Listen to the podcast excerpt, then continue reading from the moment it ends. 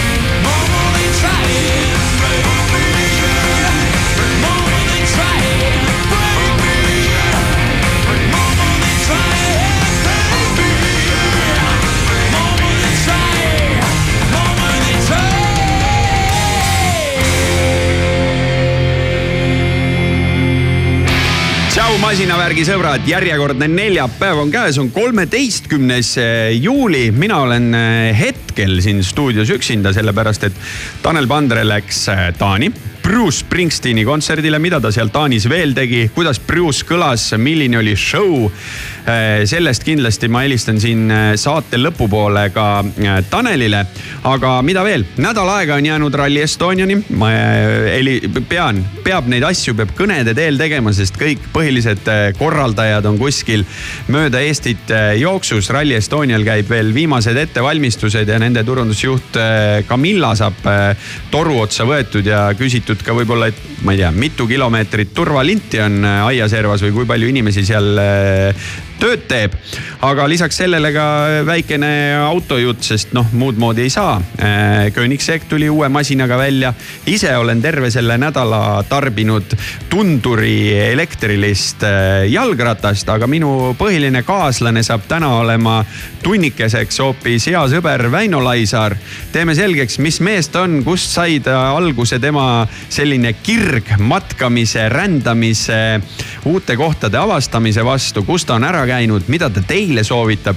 ja Väints on ka kaasa võtnud äh, muusikavalikut, siis äh, vaatame, mida te,, mida tema meile pakub ja mida järgmisena kindlasti ka telerist äh, näeme. aga nüüd, kui siin äh, saadet alustas Metallica Hero of the Day sest ma ennast pean tänase päeva kangelaseks, olles siin üksinda stuudios. Äh, panen järgmiseks teile hoopis kõlama siit äh, Lenny Kravitsi ja tema loo Chamber. masinavärk. You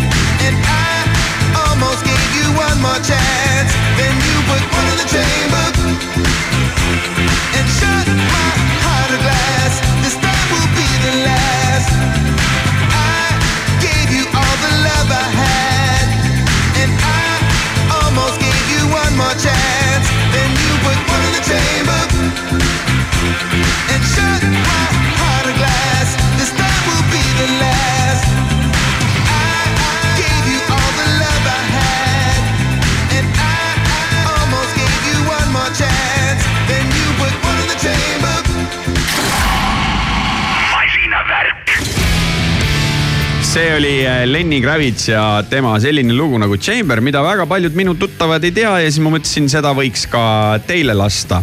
aga ma räägin nüüd ära paar sihukest väga erinevat äh, uudist äh, või noh, üks on uudis, teine on pigem proovisõit, kuigi need mõlemad võiksid olla proovisõidud, siis äh, selline autotootja nagu äh, Koenigsegg superautode tootja, hüperautode tootja tutvustas oma uut mudelit Gemera, mis on siis neljakohaline, ütleme siis Grand Tourer, kaheukseline, kaks pluss kaks kupeekere.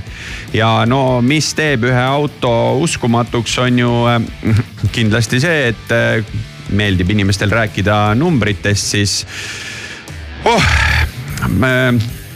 ma pole isegi harjunud sellise asjaga. kui äh, vaatad, et äh, sellele sõidukile on siis äh, ühesõnaga Koenigsegg on ka läinud sinna maailma, et peab autosid natukene elektrifitseerima ja tuleb ju külge panna ka mõni elektrimootor ja aga, aga, aga ei tohi ära unustada autode põhiolemust. siis Koenigsegg pakub standardvarustuses Gemerat ma, ma vaatan seda numbrit ja ma ei usu seda tuhat nelikümmend neli äh, kilovatti, äh, mis siis teeb kombineerituna tuhat nelisada hobujõudu. ehk siis sellel autol on väikene elektrimootor ja võimalus sul valida, kas topeltturboga kaheliitrine või kui sulle sellest tuhandest kilovatist on veel vähe, siis võid ka valida kombineeritud võimsusega Gemera versiooni, mis on tuhat seitsesada viisteist kilovatti ehk kaks tuhat kolmsada hobujõudu ja siis on muidugi topeltturboga viieliitrine V8 selle auto peal. mida veel selle Koenigsegg Gemera kohta öelda? vaadake kindlasti seda videot, kus seda äh, autot äh, tutvustab Kristjan von Koenigsegg äh, ise. aga no mis, mida, mis me räägime sihukese auto kohta, järgmisel aastal alates võiks teda saada. kolmsada ühikut on planeeritud tootmiskogus to tippkiirus nelisada kilomeetrit tunnis, kiirendus nullist sajani üks koma üheksa sekundit ja mm, puhtalt elektrirežiimis on ta võimeline ka sõitma kuni kolmsada kilomeetrit tunnis. aga kui eh, sulle tundub, et seda kõike on liiga palju ja sa ei saa seda ohjata, siis tee nii, nagu eh, mina olen sellel nädalal teinud ja ma olen sõitnud eh, keskmootoriga sõidukiga selleks on Tunduri jalgratas, mida Bike Store siis sellel aastal hakkas Tunduri nimelist juba üle saja aasta tegutsevat jalgrattamarki Eestis esindama ja neid siia tooma. väga lai mudelivalik, erinevaid nii fatbike'e, elektrilisi linnakaid, ilma elektrita rattaid, aga see, mis mina sealt proovida võtsin, on just nimelt jah keskjooksus siis jooksusisese mootoriga tagajooksusisese, rumusisese käiguvahetusega. elektriline sihukene linnaratas, mis peale vaadates jätab mulje, et noh, see on see naisteraam, ei ole. selle nimi on Easy Access, sest ka eh, mees soovib lihtsasti jalgratta peale minna. ma olen temaga nüüd maha sõitnud mingisugune kohe varsti äh, viiskümmend kilomeetrit, äh, veidi alla poole akust on äh, järele jäänud, ehk minu tarbimise juures ma olen täheldanud, et ma, kuna ma kasutan seda keskmist sõidurežiimi, seal on siis kaasaaitav mootor, kuni kakskümmend viis kilomeetrit teeb ta su väntamise lihtsamaks. minul on kodunt raadiostuudiosse veidi alla kümne kilomeetri. ja see siis on, on võimalik, kui see nii palju kaasa ei aita, ka üle saja kilomeetri ühe laadimisega, tegelikult on nagu maa ja ilm. mis selle ratta puhul veel lahe on, tal on pakiraam, pakiraami all on aku. ehk et kui sul jalgratta panipaik, eh, hoiuruum asub kuskil madalamal korrusel ja eh, sa teda tegelikult laadida saaksid ainult oma korteris kuskil, kes teab kus üleval. sa võtad kaasa ainult aku, laed selle ära ja eh, sõidad rahulikult edasi, aga noh mina ei ole selle nädalaga teda veel tühjaks vändanud, muidugi võiks rohkem veel jalgrattaga sõita. aga siit edasi selline kooslus nagu äh, Slash ja Fergie, Slash üle kümne aasta tagasi tegi ühe sihukese duettide kogumiku ja siit tuleb lugu nimega Beautiful Dangerous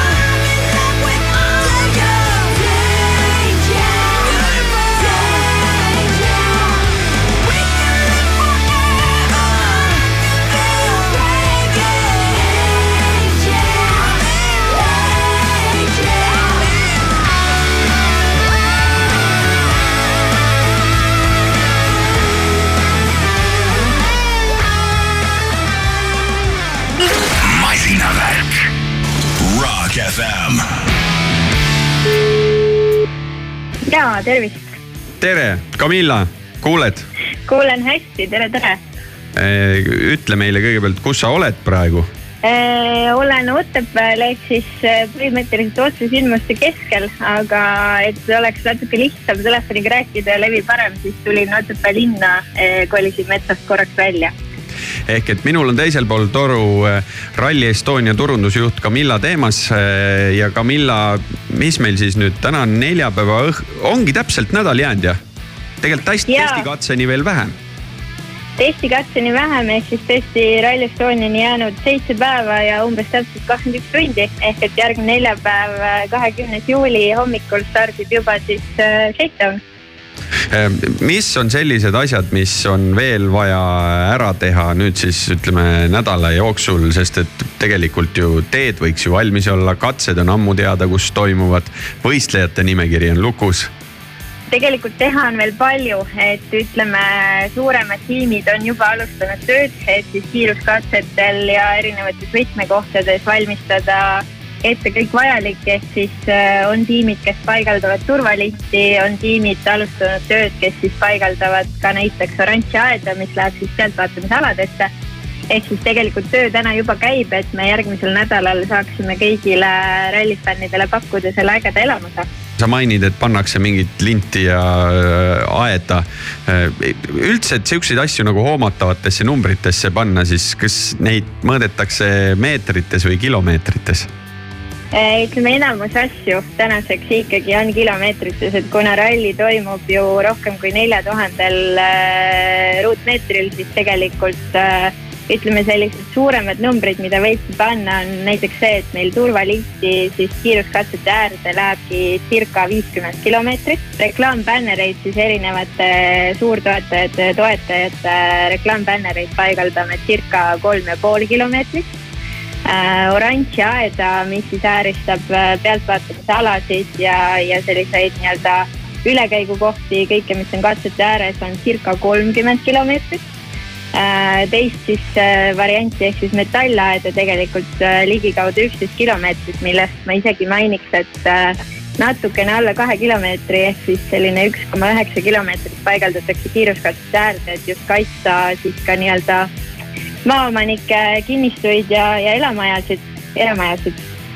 ning äh, võib-olla ka selline hea äh,, hea number on, on see, mida välja tuua, et selleks, et kõik äh, pealtvaatajad ja kõik võistlejad saaksid siis ralli saata mööda ohutult, siis tegelikult meil erinevaid rajajulgestajaid, pealtvaatamisala turvamehi, ka ERMi turvamehi kokku ralli ajal on äh, circa viissada inimest ehk et päris mastaapsed numbrid.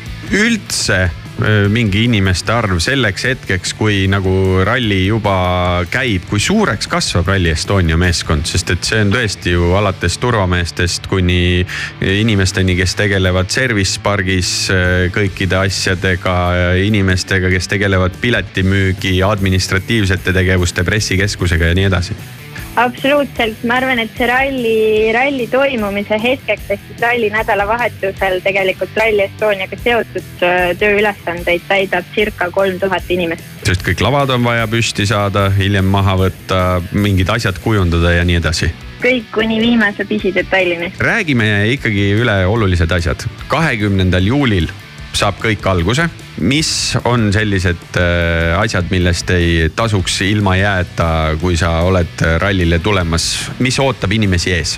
Ma arvan, et ees ootab üks väga-väga äge ja meeleolukas selline rallipidu, ehk siis me neljapäeva hommikul tõesti ralli algab siis testikatsega, mis toimub siis Kastre vallas, aga tegelikult siis järgmise neljapäeva ehk et kahekümnenda juuli õhtul ootaks juba kõiki alates kella kolmveerand viiest Tartu kesklinna Raekoja platsile mis, mis siis algab eelkõige sõitjate pressikonverentsiga. sinna kohe järgneb siis kõikidel fännidel võimalus võtta tippsõitjatelt äh, autogrammid ja tegelikult kell, kell kuus õhtul me siis alustame juba suurejoonelise avatseremooniaga ja sellele järgneb kohe siis ka stardipoodium. kõik, mis kesklinnas Tartu Raekoja platsil on toimumas, on äh, pealtvaatajatele tasuta, ehk siis tulge kindlasti kaasa elama nii sõitjatele kui ka osa saama siis väga ägedast meelelahutusest ja ja kindlasti, kui me lõpetame stardipoodiumiga, siis sõidetaksegi neljapäeval juba esimene kiiruskatse ERMi külje all. ja sellele järgneb siis tõesti õhtul väga-väga äge Terminaatori kontsert äh, Raekoja platsil. Nii et öö, on kõigile midagi, ma saan aru, et rokisõpradel, Terminaator on tegelikult selline, mis meeldib ju tõesti kõigile eestlastele. Kui ma mõtlen üldse selle peale, et kes siin on eelnevatel aastatel esinenud, siis äh, Viite Miinust on olnud, Peet Vetersit mingid asjad. on. Kas- ja kas ütleme sellel aastal ka on tegelikult päris palju selliseid üllatusi tulemas, et me siin paar päeva tagasi hõikasime ka välja ühe avatseremoonia esineja, kelleks on siis Aalika äh,. soovitan hoida silma peal meie sotsiaalmeediakanalitel ja kogu muul meedial, sest et selle nädala lõpul hõikame välja ka teise väga ägeda avatseremoonia esineja ja tegelikult äh, väga palju põnevat on tulemas, nii et kindlasti isegi kui ei ole nii-öelda võib-olla nii äh, sü- süvitsi rallifänn, et tulla neljaks päevaks, siis tegelikult äh, leidub siin kõikidele midagi ja, ja tulla kasvõi näiteks neljapäeval võtta see elamus äh, just eelkõige sealt Tartu kesklinnast ja külastada ka seda mm, ERMi kõrval kulgevat äh, Raadi kiiruskatset, siis äh, saab juba selle esimese ralli elamuse kohe kätte aga kesklinnale lisaks ja kui sa juba Raadile inimesi suunad, siis äh, Service Park, see nüüd äh, on Raadil täies mahus koos Eesti meistrivõistluste äh, meeste ja masinatega. kas see on nüüd piletigala? ei ole. hea uudis on ka see, et tegelikult meil on siis Service Pargi kontseptsioonis toimunud ka päris suur selline muutus või täiendus. Ehk siis me tegelikult äh, oleme kokku pannud tõesti, nagu sa ütlesid, nii WRC kui ka Eesti meistrivõistluste Service Pargi ja me sinna keskmesse toome siis ka tegelikult äh, EXPO ala, mis varasemalt on siis olnud ka Tartu kesklinnas, kus on ütleme, erinevad sellised äh, promoalad, kaubandusalad, saab fännitooteid, saab vaadata ägedaid, ägedaid brände ja tegelikult tulla veetagi selle päeva ka seal Service Pargis ähm, koos perega. Siis Service Pargi ja EXPO sissepääs on ka esimest korda tasuta, et äh, kindlasti soovitan kõigil tulla koha peale vaatama. nii et kellel äh, piletit ei ole, siis justkui tundub, et äh, väga palju ja suures osas sa saad ka ju ilma piletita sellest rallipeost osa, aga kui nüüd päris kiiruskatsetele tahad minna, siis ilma piletita varianti ei ole, on ju just, ei ole, ehk et kiiruskatsetele pääsemiseks on ikkagi vajalik soetada endale rallipass, mis siis ka tänavu on äh, esimest korda meil läinud üle digitaalse lahenduse peale, et see oleks võimalikult äh, mugavasti ka tarbitav. ja tegelikult piisabki siis kui ainult minna Rally Estonia kodulehel e-poodi, valida endale välja see sobiv pääse, et kas tulla neljaks päevaks tulla ainult ühel päeval vaatama, kõik valikud on olemas ja tegelikult, kui on ost juba sooritatud, siis see trallipass tuleb ka otse teile emaili peale. ma nüüd äh, teeksin selle ettepaneku, et hakkaks kuidagi seda termikakontserdit äh, soojendama ja valiks midagi äh, nende repertuaarist. on sul endal mõni lugu, mida sa välja pakuksid? Ma tahaks öelda, et mis läheb hästi kokku hetkel äh, vaadates kalendrisse kuupäevaga ja mis kindlasti on iga, ma arvan, eestlase mm, ütleme teada-tuntud lugu on muidugi juulikuu lumi. lootes küll mitte, et me sellega ei kutsu endale eelmise aasta vihma kõrvale siia ka lund järgmiseks nädalaks, et äh, tegelikult hea ilm on igati tellitud, aga ma arvan, et see on väga hea lugu, millega alustada aga võin kinnitada seda, et juulikuus lund siiski sajab. sellel nädalal oli selline asi Lõuna-Aafrika Vabariigis Johannesburgis, aga me tõesti siis usume, et järgmisel nädalal need kõige-kõige paremad ilmad äh, kogu Eestis ja eriti veel äh, Lõuna-Eestis. nii et nädala pärast, neljapäeval saab Rally Estonia alguse, minge kõik kohale, aitäh sulle, Camilla ja siit Terminaator Juulikuu lumi. aitäh, näeme rallil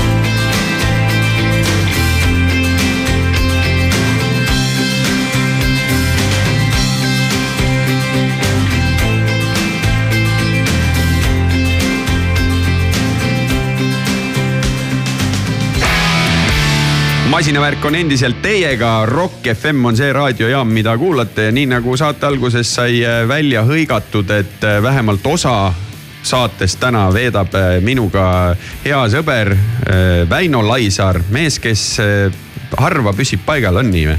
ta paraku on niimoodi kujunenud ja, et kui ikkagi looduse poolt ei ole antud grammigi püsivust ja, ja tähelepanu hoidmise võimalust, siis äh, tuleb tegeleda nende asjadega, mis äh, pakub huvi ja mis hoiab elu sees, sest muidu kuidagi jääb kängu. kuule, tegelikult ma tahtsin üldse alustuseks tulla sinu äh, nime juurde, ma arvan, et sa isegi oma vanusegrupis oled sihukene ha haruldane Väino nime esindaja. ja, ja ei, tegelikult see ongi väga hardcore nimi. statistikaametil on sihuke nimestatistika olemas ja. ja kui ma nüüd ei eksi, siis oli Eestis kokku umbes kas kaheksakümmend või üheksakümmend Väinot ja keskmine vanus on kuuskümmend üheksa.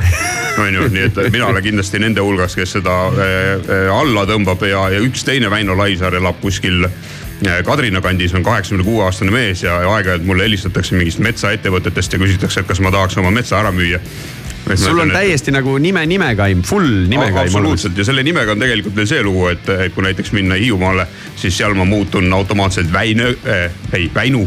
seal ma olen Väinu ja Vanamaale ma olin ka natukene Väinu vahepeal. Äh, ja, aga eestiga see lõpebki, sest Soomes on see nimetüvi juba Väinö. ahah see erinevatel Soome eh, pressikaartidel, kui ma olen kiirendusvõistlusi Vilniumas käinud, siis mul seal on olnud ikka väga põnevaid nime, nimekujusid. kuule, aga kus üldse sai alguse sihukene tahtmine, et sind ikkagi üldsus teab tõesti, et sa oled rändaja, kondaja, vahet pole, on see siis eh, kuskil Lõuna-Ameerikas nihukene jala ümber Eesti või siis neli korda neli reisidega, kes teab kus, on ju. Kus see, kus see pisik alguse sai, mis hetkel sa avastasid, mis vanuses, kas see oli põhikool, keskkool, kust, kust nagu tuli see, et ma ta, olen rändaja, mul on see kirg? no vot, väga hea küsimus.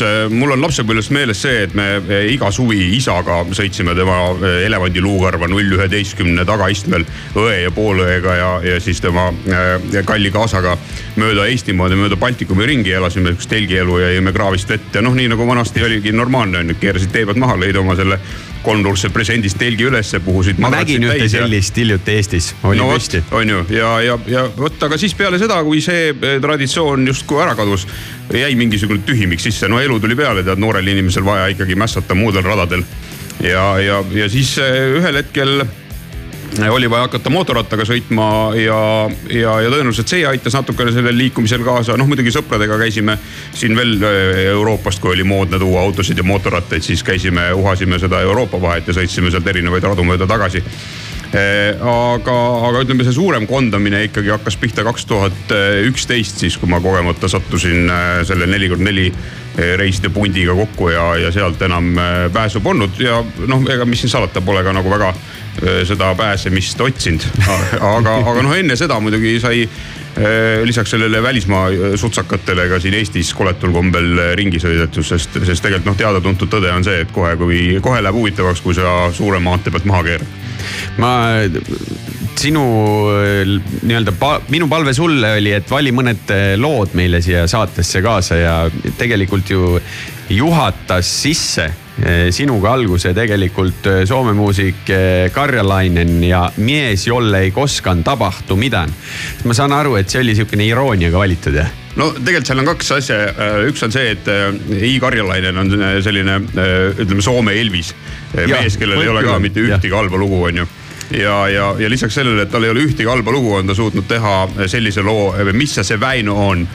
ja, ja, ja see plaat mulle kunagi kingiti ja siis ma enda jaoks I Karjalaise leidsin ja põhjaeestlasena ja põlise tallinlasena, no peaaegu põlise tallinlasena olen ma juba varasest lapsepõlvest kokku puutunud Soome televisiooniga ja, ja sealt ka see soome keele arusaamine ja, ja mõningane rääkimisoskus ja, ja siis noh, muidugi Erik Krieger suutis sellest, eh, mis see, see Väino on eh, loost veel oma versiooni eesti keeles teha. aga, aga noh, sellel pikemalt ei peatuks, aga, aga noh, see Väino kindlasti ei ole nagu minu edetabeli lugu, vaid see on kuidagi olnud nii, et äh, aeg-ajalt ma panen selle plaadi peale ja kuulan seda lugu, aga, aga teised I Karjalaise lood on väga mõnusad ja, ja see Mies jolle ei koska tapahtu mitään on, on selline noh, iseenesest sihukese toreda eh, kõlaga eh, lugu, aga väga mitmeti mõistetav. noh, umbes samamoodi, et kui siin kuulad lahtise kõrvaga näiteks Bob Marley No woman no cried, siis arvad, et eh, jutt käib sellest, et kui sul naist pole, pole ka nuttu järgi. tegelikult on eh, lugu hoopis palju sügavam ja teistel teemadel. niimoodi kipub selle muusikaga olema, et eh, kihte on eh, mitu.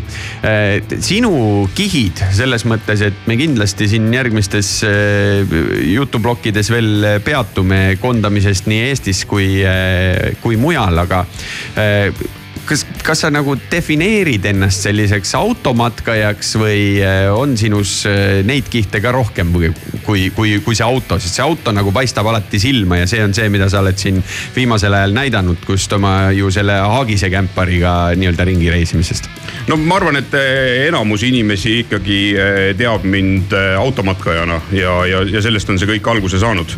Ütleme, see nii-öelda tung jalgsi kuhugi minna, see tekkis alles siin kolm aastat tagasi, kui ma siin koletul kombel kehakaalu vähendasin ja, ja, ja siis, et seda nii-öelda teleka ees passimist ja võileivaga istumist saada vahetada hoopis nagu liikumisharjumuse vastu, siis ma hakkasin ennast sundima ja sellest saigi selline ka väga tihe matkapisik alguse ja, ja matkal käimine ja, ja tänaseks on see nagu väga normaalne tegevus ja, ja väga mõnus on käia ka ütleme teede pealt maas mingisuguseid põnevaid eh, kohti vaatama aga, aga noh, see alguses jah, tegelikult ta sai sellest automatkamisest alguse ja, ja sealt said ka alguse need neli kord neli reisisarjad, mis siis äh, juba no kahe tuhande üheteistkümnendast aastast alates on ka tegelikult äh, televiisoris olnud äh, vaadatavad ja, ja, eks kõik ülejäänud asjad ongi tegelikult tulnud ka sellest, et äh, ühel hetkel tekkis sedasorti võimalus, et astuda Ardo Kalda Motors kahtekümmend nelja maha jäänud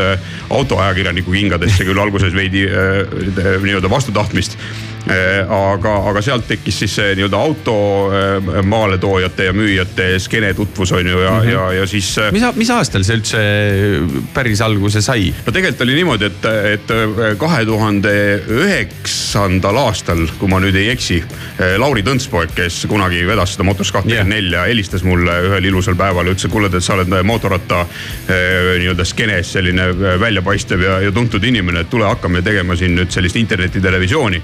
et hakka, tule hakka tsiklisaateid juhtima ja ma muidugi ütlesin, et mis asja, et mis, mis televisiooni ja mis interneti ja mis saateid, et, et mul on siin praegu nagu noh, elu on nagu vähe teistsugune, aga, aga kuidagi on juhtunud läbi elu niimoodi, et ma olen ikkagi mingil hetkel leidnud endas selle julguse eh, võtta vastu eh, selliseid eh, väljakutseid, mis on alguses tundunud ehmatavad või, või, või siuksed veidrad või noh, millega nagu alguses ei tahagi tegeleda, aga, aga kuskilt on tulnud see salapärane saatuse sõrm ja, ja toginud mind selles suunas, nii et, et siis ma läksin kahe tuhande üheksateistkümnendal aastal sinna Motorsisse on ju seal siis tutvusin juba otsaga montaažiga, tutvusin otsaga kaameraga, sealt hakkas siis järjest hargnema mingisugused erinevad teemad ja, ja tegelikult see oligi ühel ilusal päeval, kui, kui siis selle raames selle neli kord nelja tiimiga kokku saime ja, ja tuligi minna, aga, aga ma usun, et sellest jõuame rääkida. tegelikult ei ole üldse mingisugune saladus, et see, et mina olen täna siin justkui saadet juhtimas ja sina minul külas, selles oled ka sina süüdi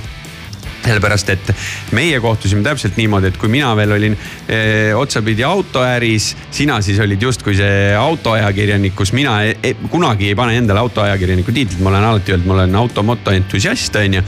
ja eh, kuidagi oli sihuke sümpaatne suhe, sa käisid meil masinatega proovisõidul ja kui minul see asi nagu otsa sai, siis olid sina mees, kes helistas, kuule, saame kokku, et paar mõtet on siin. Ja noh, niimoodi see elu nüüd on läinud, nii et mina, mina pean kindlasti sind selle eest tänama ja samamoodi kirjeldama, et kui pakutakse ja tekib nagu võimalus midagi teistmoodi teha, siis ei tasu öelda ei ja kohe nagu põnnama lüüa. aga me kuulame järgmiseks sellist lugu nagu Bruce Springsteen, I m on fire. hea lühike lugu temalt, ma vaatan, et alla kolmeminutiline sihukene mõnus su sutsakas. kas, kui reisimisest rääkida kas reisimine on mõnus sihukene mõnepäevane tegevus või peaks see ikkagi nädalaid ja kuid kestma? no ütleme, kui ikkagi mingisuguse distantsi taha autoreisi plaanida, siis tegelikult peab plaanima endale ka aega sest noh, neid reise on meil olnud üsna palju, kus reisi pikkus on kaks kuud on ju sinna kasvõi sinna äh, Tšukotkale mm -hmm. või siis Tšeljuskini neemele sinna auto uputamise reisile. aga sellest kätkeb kuus tuhat nelisada kilomeetrit transiit kõigepealt sinna, enne kui huvitavaks hakkab minema ja siis on kuus tuhat nelisada kilomeetrit tagasi. et kui sa, kui sa lihtsalt mõtled, et seal on üks äge punkt ja tahad sinna minna, siis see tähendab seda, et sa tegelikult nagu põhimõtteliselt kogu selle reisi uhad maha. esiteks eh, transiiti ja siis ei jää enam aega kohapeal olla, sest siis on juba vaja tagasi tulla. ja, ja ühesõnaga ma arvan, et need pikemad on ikkagi eh, sellised mõnusamad, mis lasevad eh, sul võtta ka seda ajakavaliselt veidi vabamalt ja, ja ringi vaadata, et ei ole ainult uhamine. aga noh, muidugi on inimesi, kes ainult uhaks ja, ja minu endagi tutvusringkonnas on inimesi, kes uhaks teisel pool maakera selleks, et saaks liivatüünide otsas sõita. no aga kuulame korraks Bruce Springsteeni lugu I m on fire ja siis jätkame Väinoga juttusid ja ma arvan, et eh, võiks arutada seda, et kus on Eestis hea käia ja millised võib-olla oleks huvitavad kohad, kuhu minna. masinavärk, masinavärk.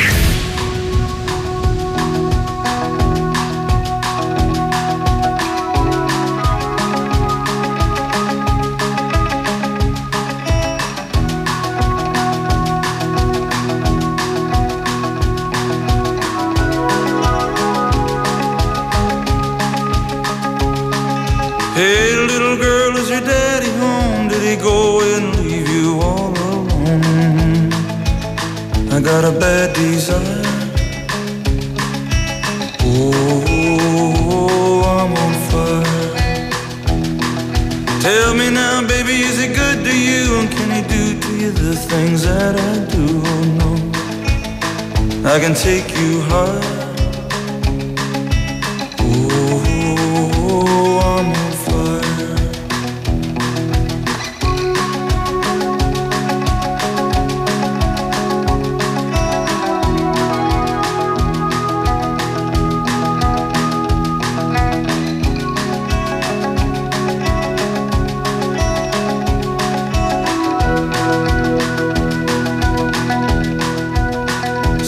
It's like someone took a knife, baby, edgy and dull, and cut a six inch valley through the middle of my skull.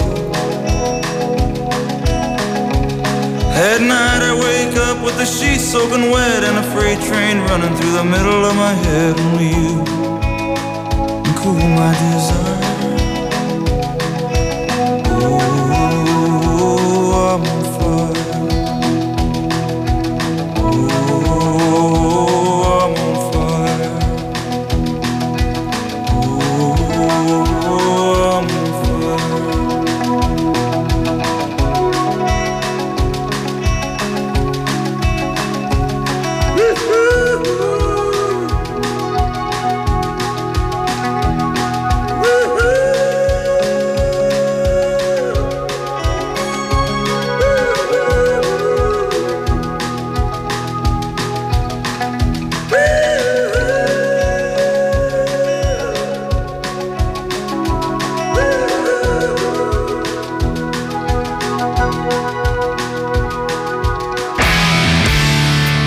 Sellisena kõlas siis vanameister Bruce Springsteeni lugu I m on fire.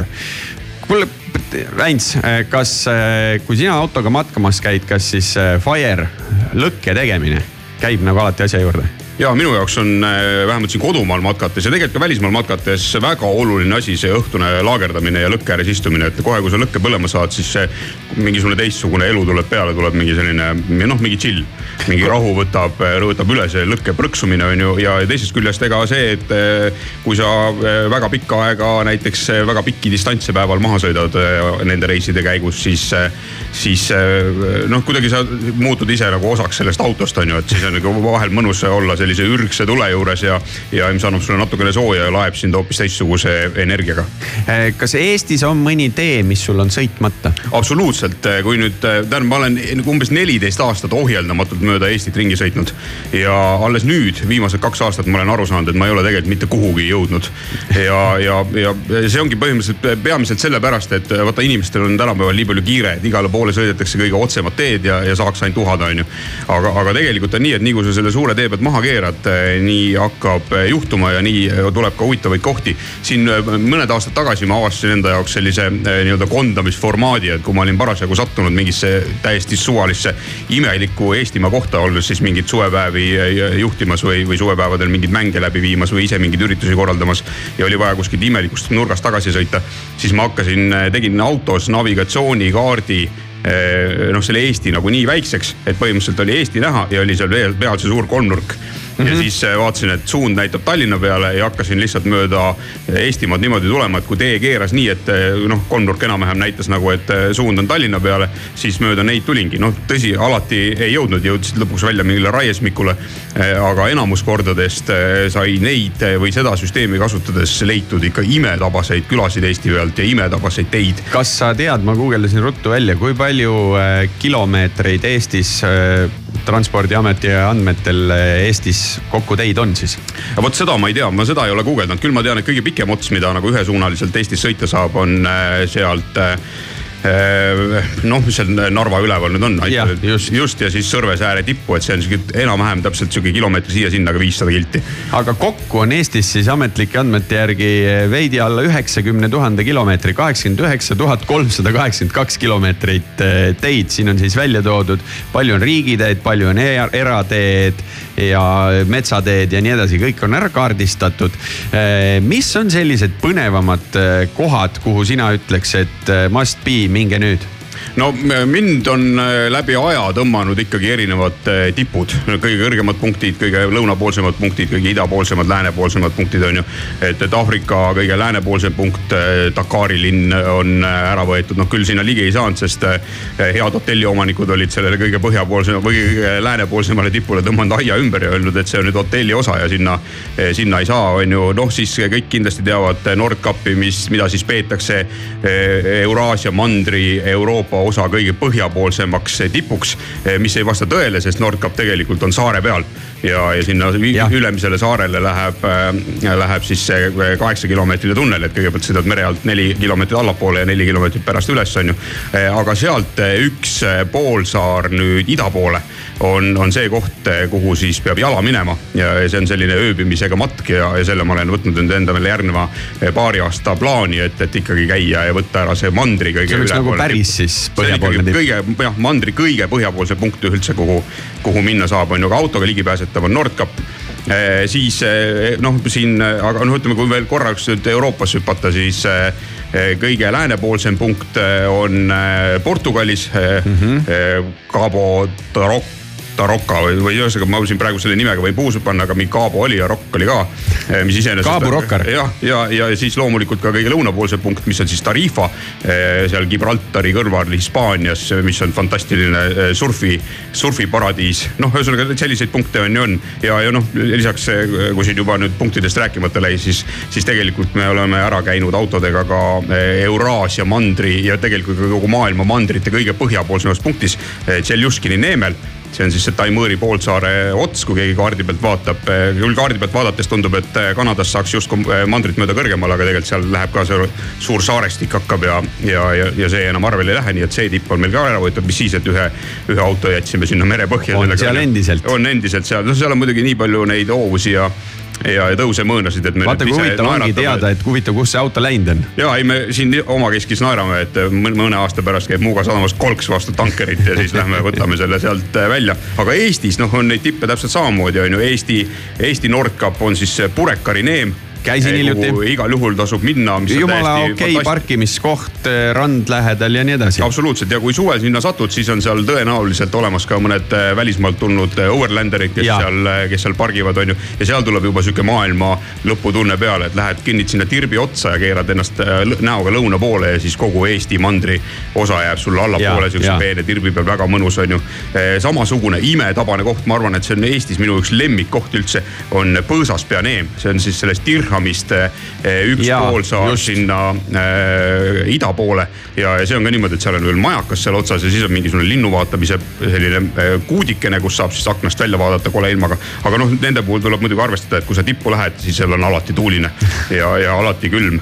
sama asi Saaremaal on, on ju see Harilaid, sinna küll autoga otsa ei saa, jumal tänatud, et ei saa, see on nii eh, fantastiline tore koht, seal on, eh, ootab ees pikk rännak. just, väga Aga- mõnus rännak ja saab tegelikult tiiru teha nagu sellele tipule peale, niisugune ja, jalgsi ja matkarada siis, ja siis selleks maasikaks seal tipus on siis see Kiipsaare majakas, mis on selline vähe, vähe ühel üht, ühtepidi viltu ja siis meri puhub teda teistpidi viltu. just ja, ja no mis on veel põnevad kohad, kuhu sõita, on kindlasti Eesti kagunurgas on ju see eh, väikene punkt, kus kolm riiki kokku saavad. Ja, ja, ja kui te olete selline inimene, kellele meeldib teistega suhelda, siis see on raudpolt üks koht, kus piirivalvuritega suhelda saate. et sõidate sinna niimoodi kohale, et mitte kedagi ei näe, aga tagasiteel on juba piirivalvurid ees, nii et seal on. seal on kuskil ka see koht, kus sa sõidad läbi selle saatse saapa et lähed nagu tü- tükist Venemaast läbi, onju. just, see on ka iseenesest põnev koht, kus muidugi ei tasu jälle seisma jääda, siis ja. saab võib-olla vähe pikema puhkuse. siis üks imetabane koht, kuhu peaaegu mitte keegi ei satu ja kuhu ma ise sattusin esimest korda elus alles paar aastat tagasi, siis kui ma siin selle Subaruga eh, sõitsin eh, Mandri, Mandri ja Saaremaale ja Hiiumaale eh, selle nii-öelda välimise tiiru peale Jah.. see on selline koht nagu Vasknarvast hakata üles minema, tavaliselt inimesed käivad Vasknarvas ära, aga seda, et hakata sealt uuesti põhja poole mööda jõe äärt eh, minema, seda keegi eriti ei viitsi teha ja seal on sihuke eh, põnev koht nagu Kuningaküla, no seal ei ole mitte midagi Jaa.. sealt tegelikult läheb üks matkarada, mis mul, mul käimata ja sellepärast ma pean sinna tagasi minema, aga seal on taas järjekordne piirivalvekordon, aga, aga nii-öelda nagu lõpp-punktina Eesti mõttes või, või noh, tee lõpp, kuhu sa minna saad, on, on see kindlasti üks. sa jõuad sinna Peipsi ülemisse nurka lõpuks ära, onju Jah.. just, just. jah, sa ei saa tõesti, pean nüüd mõtlema, et ma ei ole ise ka ringi keeranud ja tagasi tulnud, et pole siin, pole sinna käinud, kuigi ma ka väga-väga palju Mhm. ja, ikkagi ja Eesti no kui sa enne küsisid, et mis on Eestis huvitav, siis tegelikult Eesti ongi huvitav, Eesti on väike riik, Eesti on maailma kõige suurem väike riik. see tähendab seda, et et sul on tegelikult, kui sa ilmateadet vaatad ja, ja vaatad, mis Tallinnas toimub, siis tegelikult mujal Eestis on absoluutselt teine ilm. et see on mingi iga viiekümne kilomeetri On, tagant on, teine on. ilm ja, ja iga viiekümne, okei okay,, meil ei ole suuri mägesid ega mitte midagi. aga, aga noh, ütleme iga viiekümne kilomeetri tagant meil raudselt mingisugune pinnavorm muutub, on ju, nii et sa oled jälle jah, meil on, meil on mingeid künkaid, vooresid, ma isegi käisin hiljuti just Emumäe vaatetornis, ööbisin seal all ühes parklas on ju. et eh, vaatad ka sealt torni otsast, näed, seal on ju ära tähistatud, sihukene asi hakkad uurima, tõesti see pinnavormide eh, meie nagu väikse ala peale ja no tõesti, kui veel võtta see, et Eesti on maailma suurim väikeriik või kuidas sa seda ütlesid, siis kui mõelda seda, et meil on üheksakümmend tuhat kilomeetrit teid, ole mees ja sõida, onju. absoluutselt ja, ja noh, viimane tore leid oli, oli see, noh, ma olin seda ka varem sõitnud, aga, aga olid mõned aastad vahele jäänud. kui nüüd Võrtsjärve äärest eh, sõita sealt ülevalt selle Turba teede kaudu, mul see asulad ei tule meelde, mis seal nüüd üleval olid aga sealt Elva peale otse murda. Seda tean. siis tekib selline ühel hetkel sihuke laineline tee ja, ja sõidad keset seda teed ja mõtled, et nüüd ma olen küll välismaale sattunud, et see on ikka täiesti ebareaalne koht. aga eh, veidi eh, muusikat ja tuleme, tuleme veel maailma avastamise juttude juurde tagasi. panen siia vahele sellise loo nagu kahe tuhandendate algus, üheksakümnendate lõpp, Blink sada kaheksakümmend kaks, oli ka bänd, mida sina kuulasid? no eks ta Käis on läbi., ütleme aktiivse raadiokuulajana äh, käinud läbi, ise äh, minu playlist ides äh, ei ole teda olnud, aga ta on tuttav bänd. mina valisin nende loo Roller Coaster, mida just liiga tihti ei mängita, nii et siit ta tuleb.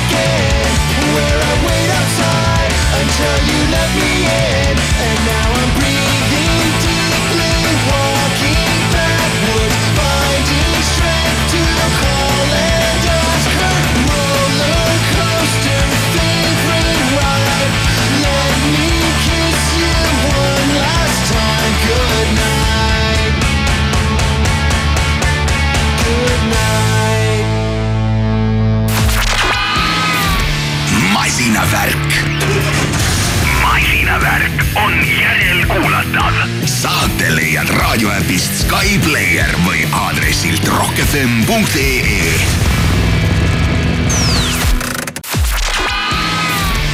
masinavärk. hobujõude ja detsibelle rahistavad autoentusiast Raiko Ausmees ning muusikasõber Tanel Pandre. masinavärk I was toting my pack along the dusty Winnemucca Road when along came a semi with a high and ah. canvas covered load. If you're going to Winnemucca Mac with me, you can ride. And so I climbed into the cab and then I settled down inside. He asked me if I'd seen a road with so much dust and sand, and I said, Listen, I've traveled every road in this here land. I've been everywhere, man. I've been everywhere, man. Across the deserts bare, man. I breathed the mountain air, man. Of travel I've had my share, man. I've been everywhere.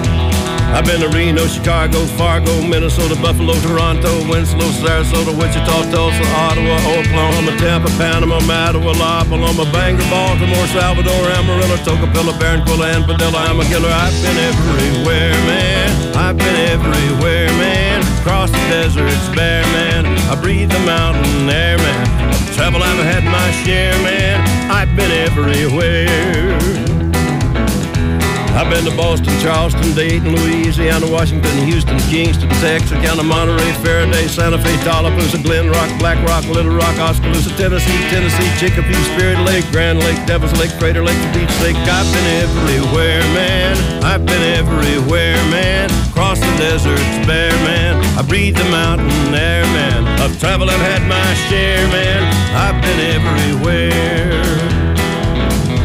I've been to Louisville, Nashville, Knoxville, Omaha, Shefferville, Jacksonville, Waterville, Costa Rica, Pittsfield, Springfield, Bakersfield, Shreveport, Hackensack, Cadillac, Fond du Lac, Davenport, Idaho, Jellicoe, Argentina, Diamantina, Pasadena, Catalina, I mean? I've been everywhere, man. I've been everywhere, man. Across the deserts bare, man. I breathe the mountain air, man. I've traveled, I've had my share, man. I've been everywhere. I've been to Pittsburgh, Parkersburg, Gravelburg, Colorado, Ellensburg, Rexburg, Vicksburg, El Dorado, Larimore, Atmore, Haverstraw, Chattanooga, Chastity, Nebraska, Alaska, Opelika, Baraboo, Waterloo, Kalamazoo, Kansas City, Sioux City, Cedar City, Dodge City. What a pity. I've been everywhere, man. I've been everywhere, man. Across the deserts bare, man. I breathe the mountain air, man. I've traveled, I've had my share, man. I've been everywhere. I've been everywhere.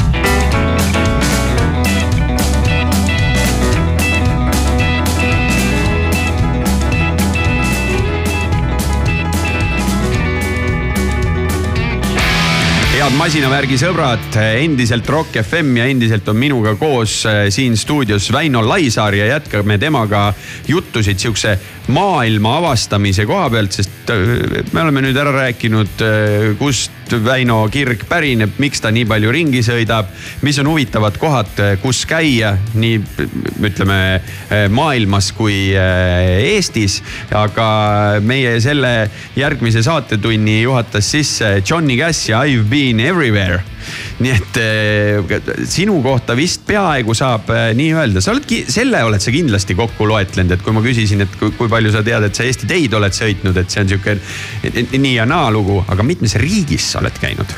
Jälle hea küsimus, nende riikide lugemisega on äh, väga erinevaid variante ja, ja nendest on äh, mõned ka vahepeal ära kadunud, nagu näiteks Mägi-Karabahh ja, ja., ja tõenäoliselt ka mõned teised, mõned tekivad, mõned kaovad, on ju. või, või kui sõidad alla, mis sealt Marokost tuleb, et kas Lääne-Sahara on Lääne riik või, jah, just, või ei et, ole? et neid selliseid nipet-näpet asju äh, on ja, ja siis on näiteks olemas ka seda varianti, et kas lugeda riigiks siis mõne riigi sellist suurt autonoomset piirkonda, näiteks nagu Iraagis on Kurdistan mm. -hmm. on ju, et kui teistes riikides, kuhu kuhu see Kurdistani ala kõik ulatub, seal neid eraldi nagu riigina või, või kuidagi ei tunnustata.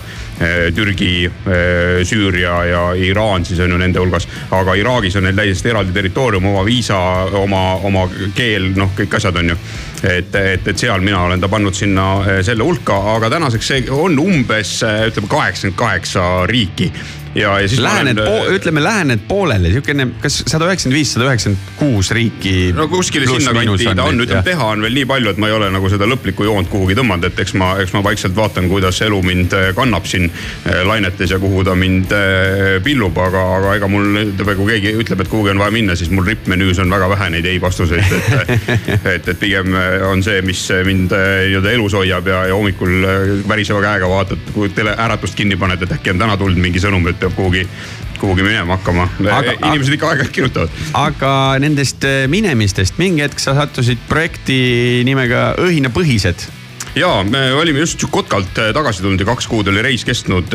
olime autos elanud kõik see kaks kuud kolme mehega koos. roteeruvas korras maganud siis nii, et kaks inimest magasid äh, taga ja üks siis pidi ühe öö iga kolme, kahe öö tagant äh, veetma eesistme peal või kuidagi seal hakkama saama, sest kolmekesi taha ei mahtunud.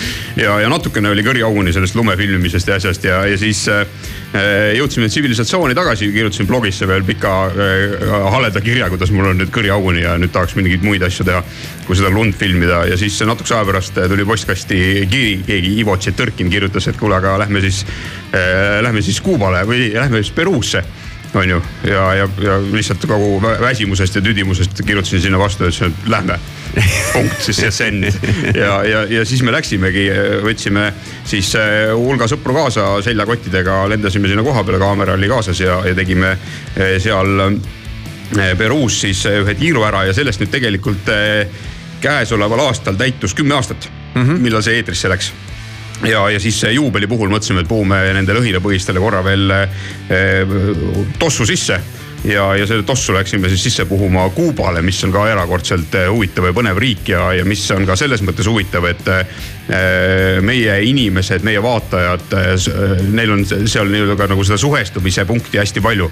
et hästi palju paralleeli on just selle nõukogude ajaga mm -hmm. ja, ja mingid asjad lisaks sellele, et, et valdav osa sellest Kuubast on ikkagi täis sellist väga põnevat Ameerika rauatehnikat, mis on nii visuaalselt kaugelt vaadates ilus ja huvitav kui ka, kui ka tõenäoliselt paneb põksuma ka kõige nii-öelda auto töntsima inimese südame. kas seda Kuuba asja saame siis ka mingisugune hetk kuskil televisiooni vahendusel näha? ja Kuuba asi on iseenesest juba kompuutrisse ära tõmmatud, aga, aga see, seda saab vaadata ETV kanali peal ja alates uue aasta algusest. et enne seda on praegu veel järjekorras ja, ja praegu montaažis neli kord neli Lähis-Ida ja, ja see läheb siis ETV kahte septembrist. aga nii, et kui ma selle Lähis-Ida valmis saan monteeritud, et siis avast-, avan järgmise kausta ja kõik jätkub samamoodi. ma saan aru, et ma sind tegelikult siia rebisingi põhimõtteliselt kuvari tagant, premeeri tagant ära tegin viimase koleda sulatuse ja, ja, ja tõusin püsti ja, ja tulin siia ära, jah. mis on sellised kohad maailmas, kus sa oled ära käinud ja läheksid kindlasti tagasi? Vot see on nüüd väga huvitav. või on sul nagu mingi oma, oma, oma lemmik, kus sa tahaks? erakordselt raske küsimus, et, et minu arust nende edetabelite tegemisega on üldse väga raske ja nagu sa ütlesid, et enne kui ma siia saatesse tulin, et mõtle siis välja puusalt neli ja. lugu, on ju, mis ei oleks väga mainstream'i, noh siis see tundus väga lihtne, aga, aga osutus erakordselt keeruliseks ülesandeks. ja, ja tegelikult nende edetabelite tegemisega on ka, et minu see reisifilosoofia tegelikult näeb ette, et ma oma sellisel jõulisel ajal eh, proovin ära käia nii paljudes riikides, kui ma vähegi jaksan. et siis, kui vanast peast aega üle jääb siis ma tean, kuhu tagasi minna ja, ja, ja pikemalt olla. see on, see on hea plaan. näiteks hea sõber Ivo Tšetõrkin, see on käinud umbes sada kuuskümmend korda Peruus on ju, ütleb, et ta ikka pole veel kuskil käinud ja polegi nagu Peruud näinud, on ju, et. et, et ma nii süviti oma eluaja jooksul ei, ei suuda minna, et ma pigem jah haaran vähe laiemalt ja, ja siis tean, kuhu tagasi minna, kuigi arvutuslikult ma peaksin elama saja kahekümne aastaseks, et, et kõik riigid ära käia, aga aga tõenäoliselt üks meist peab enne, enne alla andma, aga, aga noh, ma arvan, et kõige sügavamalt on kindlasti jäänud jäänud hinge see kõige esimene autoreis, mis siis läks Mongooliasse kahe tuhande üheteistkümnendal aastal ja, ja see pani nii paljudki asjad paika, et esiteks see oli minu elu esimene pikk autoreis, teiseks, teiseks oli see minu elu esimene reisisari ja, ja, ja kolmandaks eh, tabasin ma seal ennast sellisel hetkel, kui me ühel hetkel ööbisime või olime nii-öelda jõudnud siin Mongoolias kivikõrbe. ja, ja kui sa seisad keset seda kivikõrve ja, ja lihtsalt kolmsada kuuskümmend kraadi sinu ümber ei ole mitte midagi, on täiesti sile maa, kuskil taamal on väiksed mäed. siis, siis mingil hetkel see nii-öelda see eh, tunne võtab üle, et sa, sa saad nagu aru, et sa tegelikult ei ole mingi maailma naba. et sa maailma mõttes oled lihtsalt mingisugune kübe siin keset mitte midagit, on ju, ja, ja see noh, toob nii-öelda nagu maa peale, maa peale tagasi ja, ja hakkad jälle asju vähe teise eh, pilguga vaatama. tead, mis minule kõige rohkem meeldib, olles ühe korra käinud seal äh, Aafrikas, pooles Aafrikas ära ja olnud samamoodi täielikus tühjuses. mulle meeldivad need õhtud, kus on olemas täielik pimedus ehk meil noh, otsi kohta Eestimaal, kus tekiks see, et kuskil ei kumaks midagi ja ei oleks mingisugust valgust nii-öelda reostust ja täielik pimedus saaks tekkida, ega ei ole, kus saaks nii-öelda äh, tähis taevast sedasi vaadelda, et see tähis taevas ongi see sinu kõige suurem valgusallikas, sest mis ma seal kõrbes avastasin, kui palju valgust annab kuu Aga seda ei pane meili, pane tähele. maalib selle valgu või selle maastiku ja, ja kõrbe Just. valgeks on ju. mul oli nüüd eelmise aasta sügisel, kui me käisime Kaisa Lingi ja Madis Aesmaa ja, ja Herbert Murdiga tegemas seda Mississippi hääled nimelist eh, supersari. siis, siis seal me jõudsime välja lõpus Chicagosse ja, ja see on minu elu, ütleme kõige suurem sedavõrd suurte majadega linnas olemine.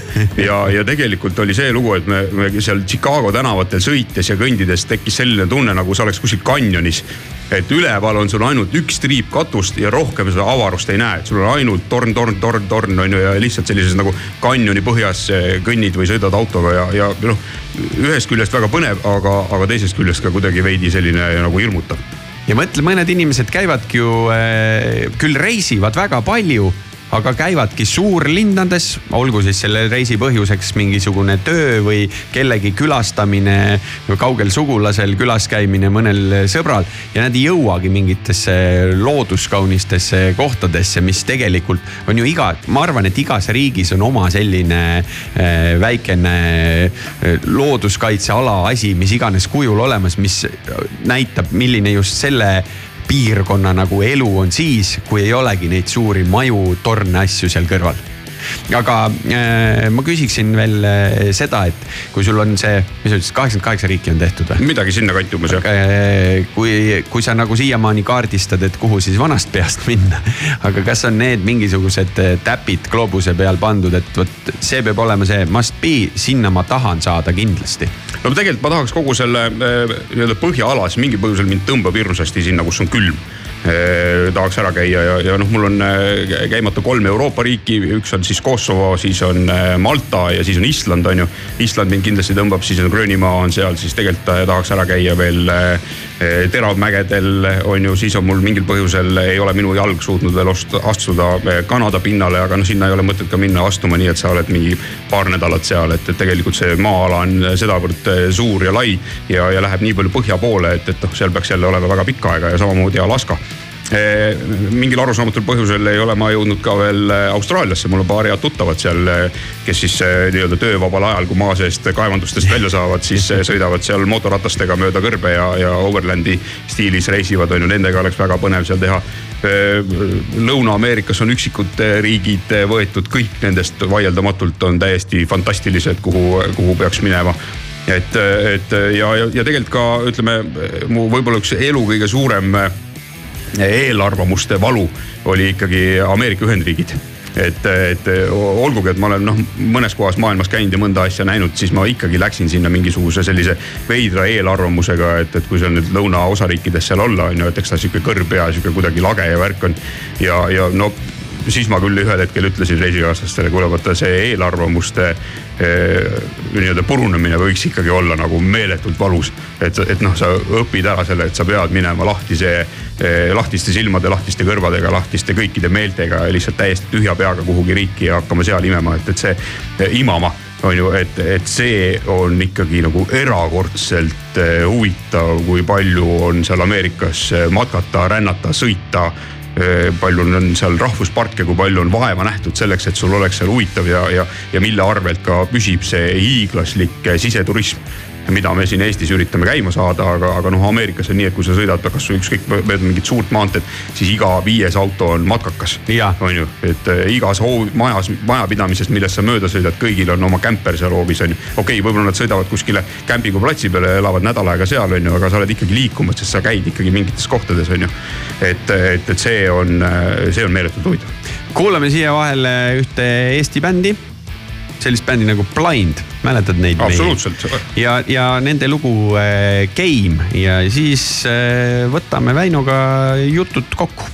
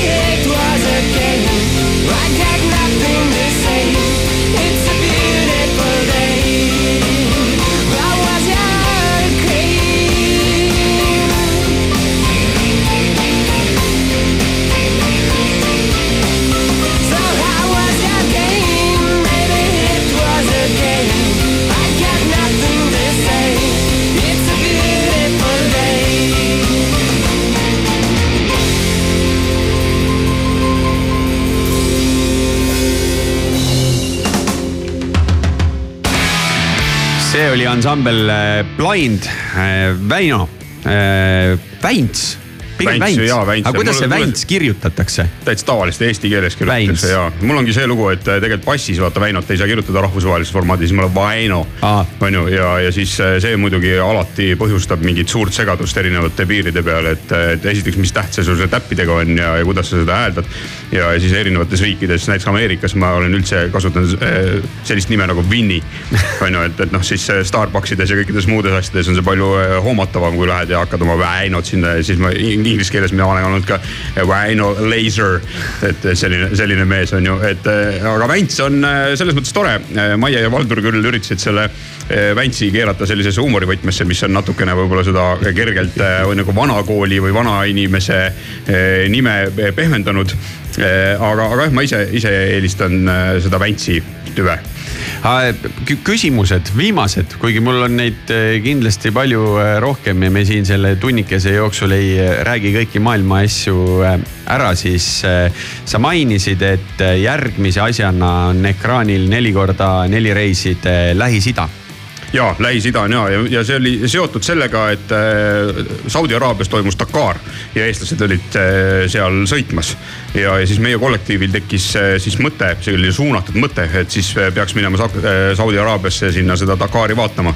ja, ja algne mõte oli milleks see, osta ju lennukipiletid? absoluutselt, sest tegelikult noh, et noh muidugi noh, mis, mis sa selle lennukiga piletiga lähed, võtad sealt rendika, mis seal Dakari ajal on tõenäoliselt ebareaalne mingit neliveolist rendikat sealt saada on ju, sest kogu maailm on sinna kohale läinud ja, ja kõik vähegi võimekad masinad on ära võetud rendist on ju.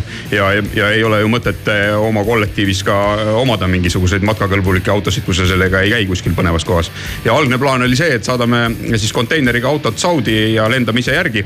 et hakkame siis seal uhama, tuli välja, et see nii lihtne ei olnud järgmine plaan oli siis, et paneme Prantsusmaalt Dakari autodega koos enda autod ka sinna laeva peale ja, ja siis lendame ja võtame seal välja ja hakkame uhama. selgus, et see kulu käis meil üle jõu suure kaarega. Ja, ja siis ei jäänudki midagi muud üle, kui äh, lihtsalt kakskümmend seitse detsembri varahommikul tõmbasime Tallinnas auto uksed kinni ja, ja kukkusime siis mööda maad sinna Saudi Araabia poole uhama, on ju. Et noh, siit läbi Baltikumi, läbi Poola, siis äh, äh, läbi Bulgaaria äh, Türki, läbi Türgi siis äh, Süüriast mööda ja, ja sealt siis äh, selle Kurdistani ala peale, sealt siis omakorda juba Iraaki.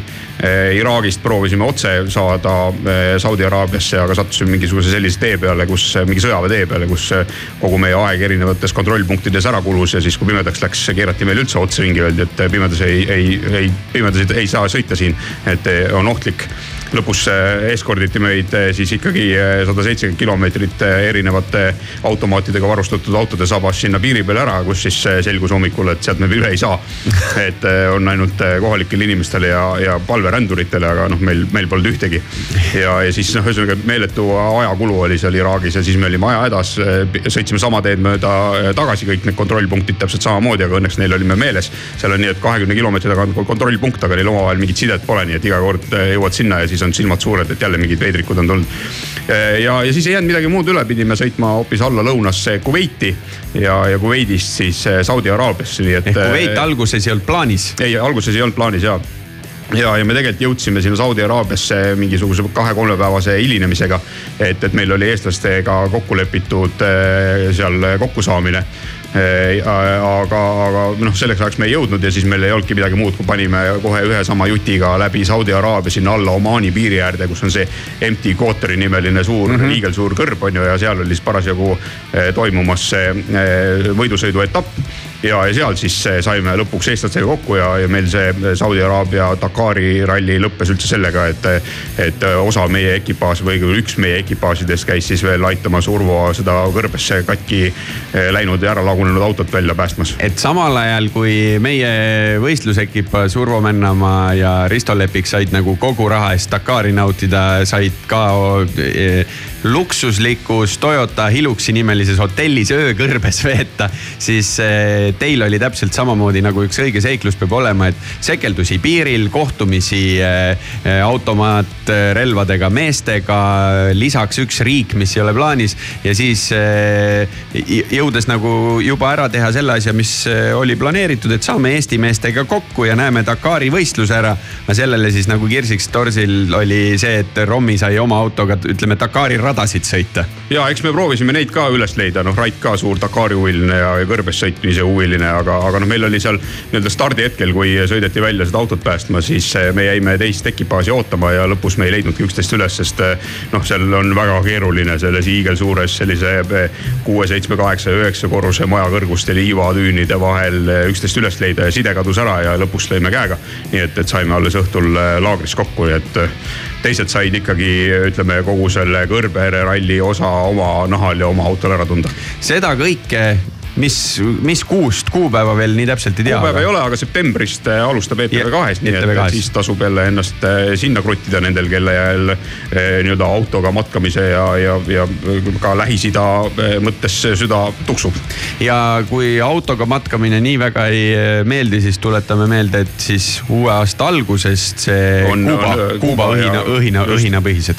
kuule, Väints, väga mõnus sinuga juttu ajada ja seda on alati teha, sest ma tean, et meil tihtilugu ka telefonikõned, kus ühel või teisel on tegelikult lihtne konkreetne küsimus, tahavad minna siukseks noh, kakskümmend minutit, siis vaatad nelikümmend minutit, et eh, lobisemist jätkub eh, alati. täna me lihtsalt tulenevalt on ju raadioformaadist pressime ennast kuhugi raamidesse ära.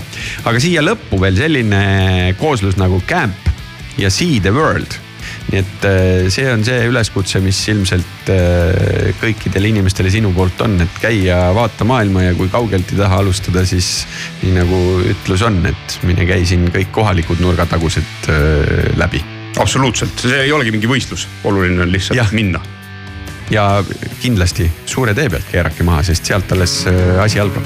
aitäh sulle, Vents. aitäh. What do you say we pack our things and get out of here? I've been saving all my life just to disappear. Can I hold you? Can I hold you to that? We can't go on living life hiding behind fear. And all the thoughts my fucked up head are finally coming clear. Can I hold you? Can I hold you to that? We could see the world. We could see the world. We could see the world. We could see the world. We could see the world.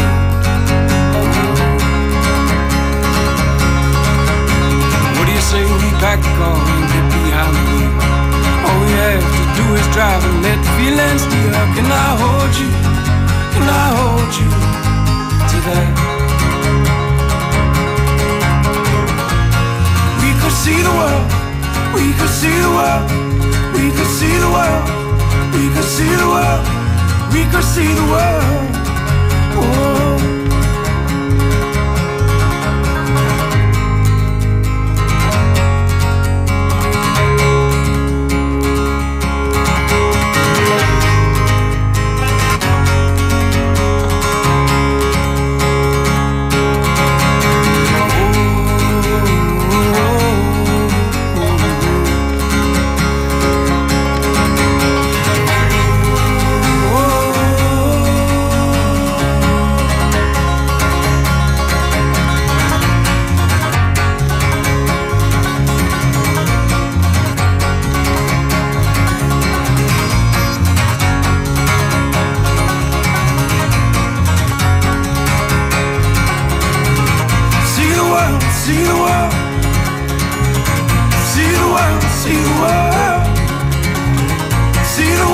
see the world.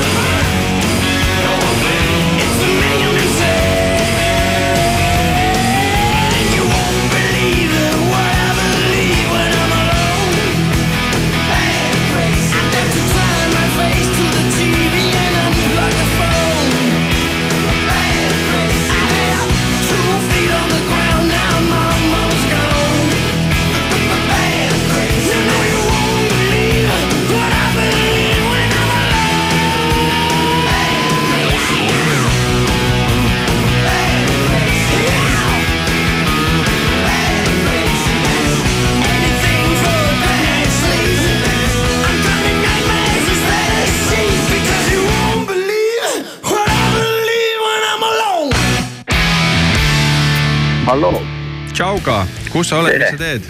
olen Kopenhaagenis, miks, miks sa ei tee minuga saadet? sest et eh, on vaja kuulata ikkagi eh, absoluutselt maailma muusikaklassikat eh, Bruce Springsteeni esituses. tead, Bruce Springsteeni me oleme täna juba saates mänginud. Mul oli äh, hea võimalus siis äh, tunnike meie saatest sisustada koos äh, sõber Väino Laisaarega ja Väintsi valikutes oli Springsteeni üks selline vahva lugu I m on fire, mis on äh,, ma arvan, et Bruce'i üks lühemaid lugusid. aga ma saan aru, et sa käisid kontserdil.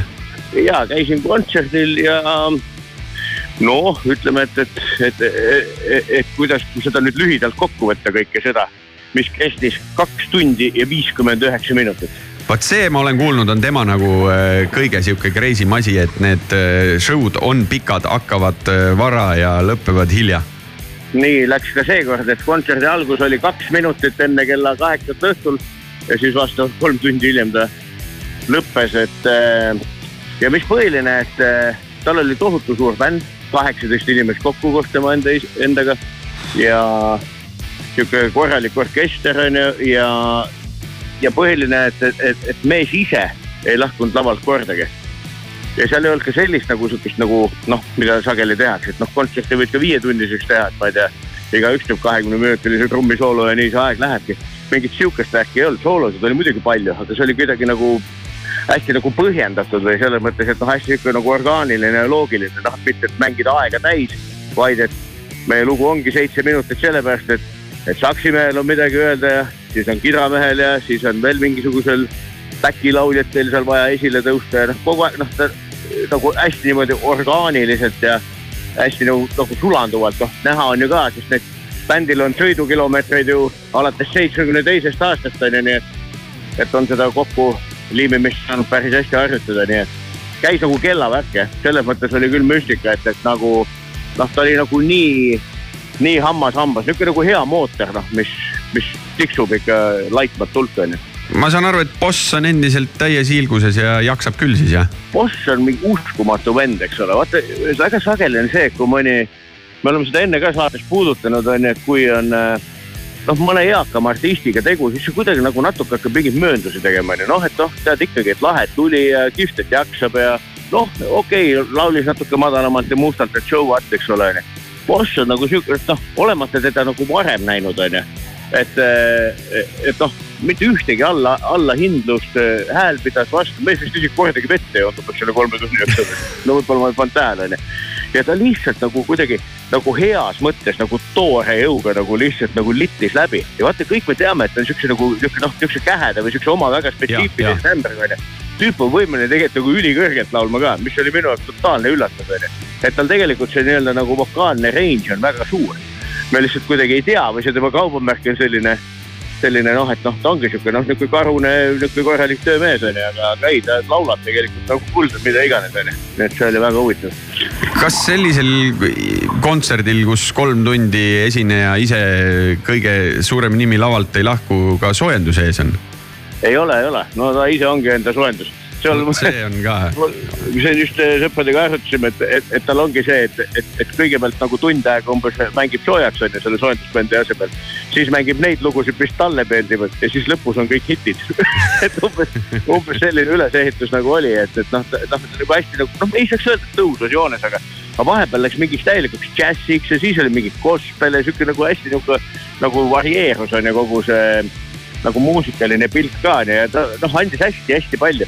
pagan, mul just praegu ei tule selle tüübi nimi meelde, kes on seal E Street bändis kogu aeg olnud, see, kes Sopranodes mängib ka onju.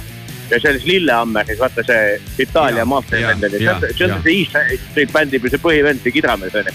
kurat, vaatasin nimi järgi, Danny, David, no mis iganes onju. mul just oli see meeles mingi sekund tagasi onju et eh, see vana võttis seal päris kõvasti nagu sihukest nagu kanda endale ka niimoodi nagu võrdne võrdsetega, et ta kuidagi noh, hästi nagu respektis kogu seda, seda kampa, kes siis on nõus temaga mängima, kes ju iseseisvalt ka tegelikult esineb ja tuusitab onju, ilma temata. aga eh, kus see kontsert toimus? toimus sellises kohas nagu Parken.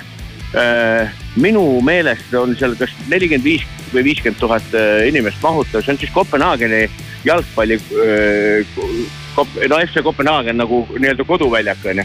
suur vutistaadion, mis siis nagu heaoluühiskonnale kohaselt, et kui on oht, et võib sadada vihma, siis tõmmatakse katus peale. et, et ta oli jah sihuke nagu nii-öelda vabaõhukontsert katuse all onju. Steven Van Sant, Steven Van Sant, just, just, just, just just, vana. Eh, sinu käest ma alati pean ju küsima seda, et eh, tehniline pool ja nii-öelda siis see, kuidas jõuab bänd rahvani eh, laitmatu või on midagi, mille kallal norida?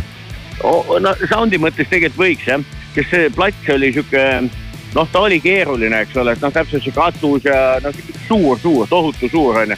me olime nagu keset seda väljakut onju, no ei olnud maailma parim sound, mida elus kuulnud oleks, noh pigem sihuke kehva pool, et võib-olla, võib-olla kuskil oleks nagu, nagu parem olnud, aga noh, kuna sellele kolmele, teadaolevale kolmele tunnile noh, ei olnud sihukest jõudu, et minna veel näiteks poolteist tundi varem kohale, et mingi hea koht võtta onju. siis sai seal kuskil keset platsi nagu oldud ta oli sihuke nagu noh, nagu keskpärane sound, noh, ta ei olnud nagu otseselt halb, onju, aga ta ei olnud kindlasti ka väga hea. aga, aga noh, tead sihuke kahe otsaga asi noh, ega kuulatud sai, onju, aga jah, produktsiooni mõttes ülilihtne. selles mõttes kolm suurt ekraani, mis näitas lavapilti, noh näitas detaili, no mis on ju mm. väga lahe, kui keegi midagi teeb, onju. sihuke noh, nagu normaalne valgus, seda oli nagu, nagu piisavalt ja mingit hookus-pookust ega mingit produktsiooni või mingit tossu-pauku hologramme, ei midagi sellist noh. mulle väga, mulle väga meeldivad. mulle väga meeldivad, just see, see on kõige täpsem kirjeldus sellele, et äh, mulle väga meeldivad äh, sellised keikad, kus äh, ei ole vaja sedasama mingit äh, raketti lasta ega mingit auru kuskilt otsast või kitarri otsasid põlema panna. mitte, et oleks mul midagi näiteks Rammsteini vastu, see on hoopis teine nagu kategooria, on ju. aga kui on olemas artist, kes suudab hoida publikut esimesest hetkest enda peos kuni selle viimase noodini ja kasutamata selleks mingisuguseid tõesti vigureid ja kuskilt trossidega laskumisi, siis see on nagu nii uskumatu alati äh, vaadata. mis sa Kopenhaagenis äh, veel plaanid või teed? tead, käisin tulles, jõudsin ka veel viimast päeva sellel hetkel kestnud Kopenhaageni džässfestivalile ja, ja käisin vaatamas ühte sihukest artisti, kes kannab nime Mono Neon. olin nime kuulnud, täpsemalt kursis polnud ja käisime vaatamas. Kusjuures noh, lõbus oli veel see, et lennuki pealt otse niimoodi, et eh, aega oli vähe, siis turvamehed ütlesid, noh käisin, küsisin, kas see on okei okay,, kui mingi konverents, ei, ei pole probleemi, et davai, paneme ära, kõik on fine. et, et eh, ühesõnaga mm, eh, Mono Neon on sihuke tüüp, kes oli Prince'i viimane bassimees enne, enne siis lahkumist on ju ja noh, Ida Nielsen muideks ka üks Taani proua oli ka hästi pikalt on ju eh, Prince'il nagu koostööpartner, aga hästi see Mono Neon, kes on üheksakümnendal aastal sündinud kutt on ju ja kes on selles mõttes nagu fenomen, et, et ta on paremakäeline, aga mängib vasakut pidi basskitarri ja niimoodi, keeled on ka nagu nii-öelda nagu paremat pidi, nii et nagu kõige jämedam on nagu all, kõige peenem üleval. et noh, see on mingi täiesti segane värk, sest ma ei tea ühtegi paremakäelist, ma tean küll ridamisi vasakukäelisi ka Eestis on ju, bassimehi. et, et kes mängivad noh, on ära õppinud nii-öelda nagu noh, kind of nagu õigetpidi on ju et ei keera pilli teistpidi ja kui pill teistpidi keeratakse, siis tavaliselt pannakse ikkagi keeled nagu nii-öelda, et jämedam ikka justkui. nii-öelda, et jah, et justkui nagu jämedam on kõige üleval ja peenem kõige all. aga ei, tema oli lihtsalt toorelt keer- keeranud pilli teistpidi.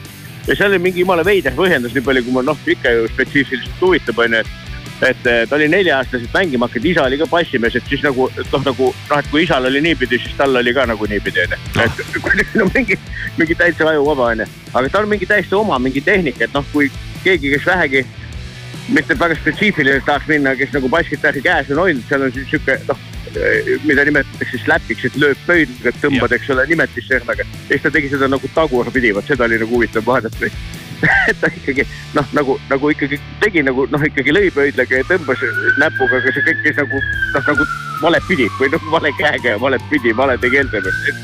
kas te olete ju, kas te olete nüüd juveelipoodi röövimas äh, kunagi eestlaste kombel, et kui Skandinaaviasse mindi, et need vilkurid kurat hea mõte, ise ei tulnud selle peale. võiks ära teha küll jah. et ei no siin, mis siin salata, ilm on ehtaanilik on ju, et kostitab nii tule ja vihma ja siis jälle paistab päike ja sihuke.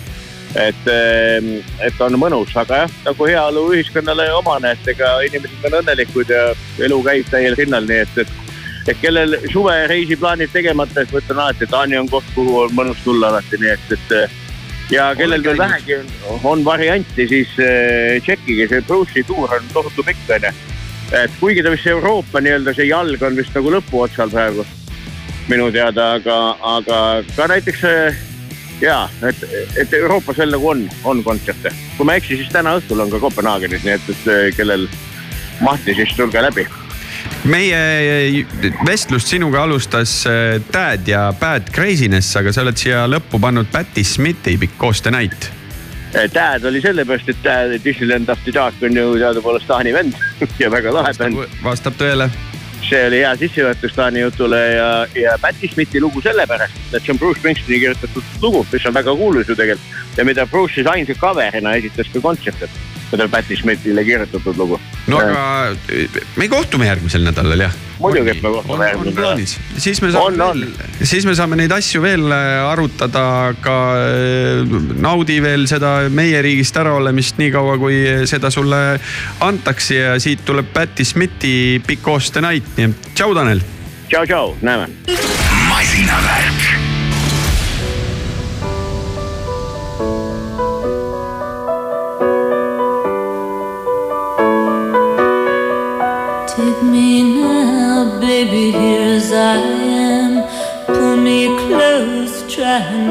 Understand. Desire is hunger, is the fire I breathe. Love is a banquet on which we feed.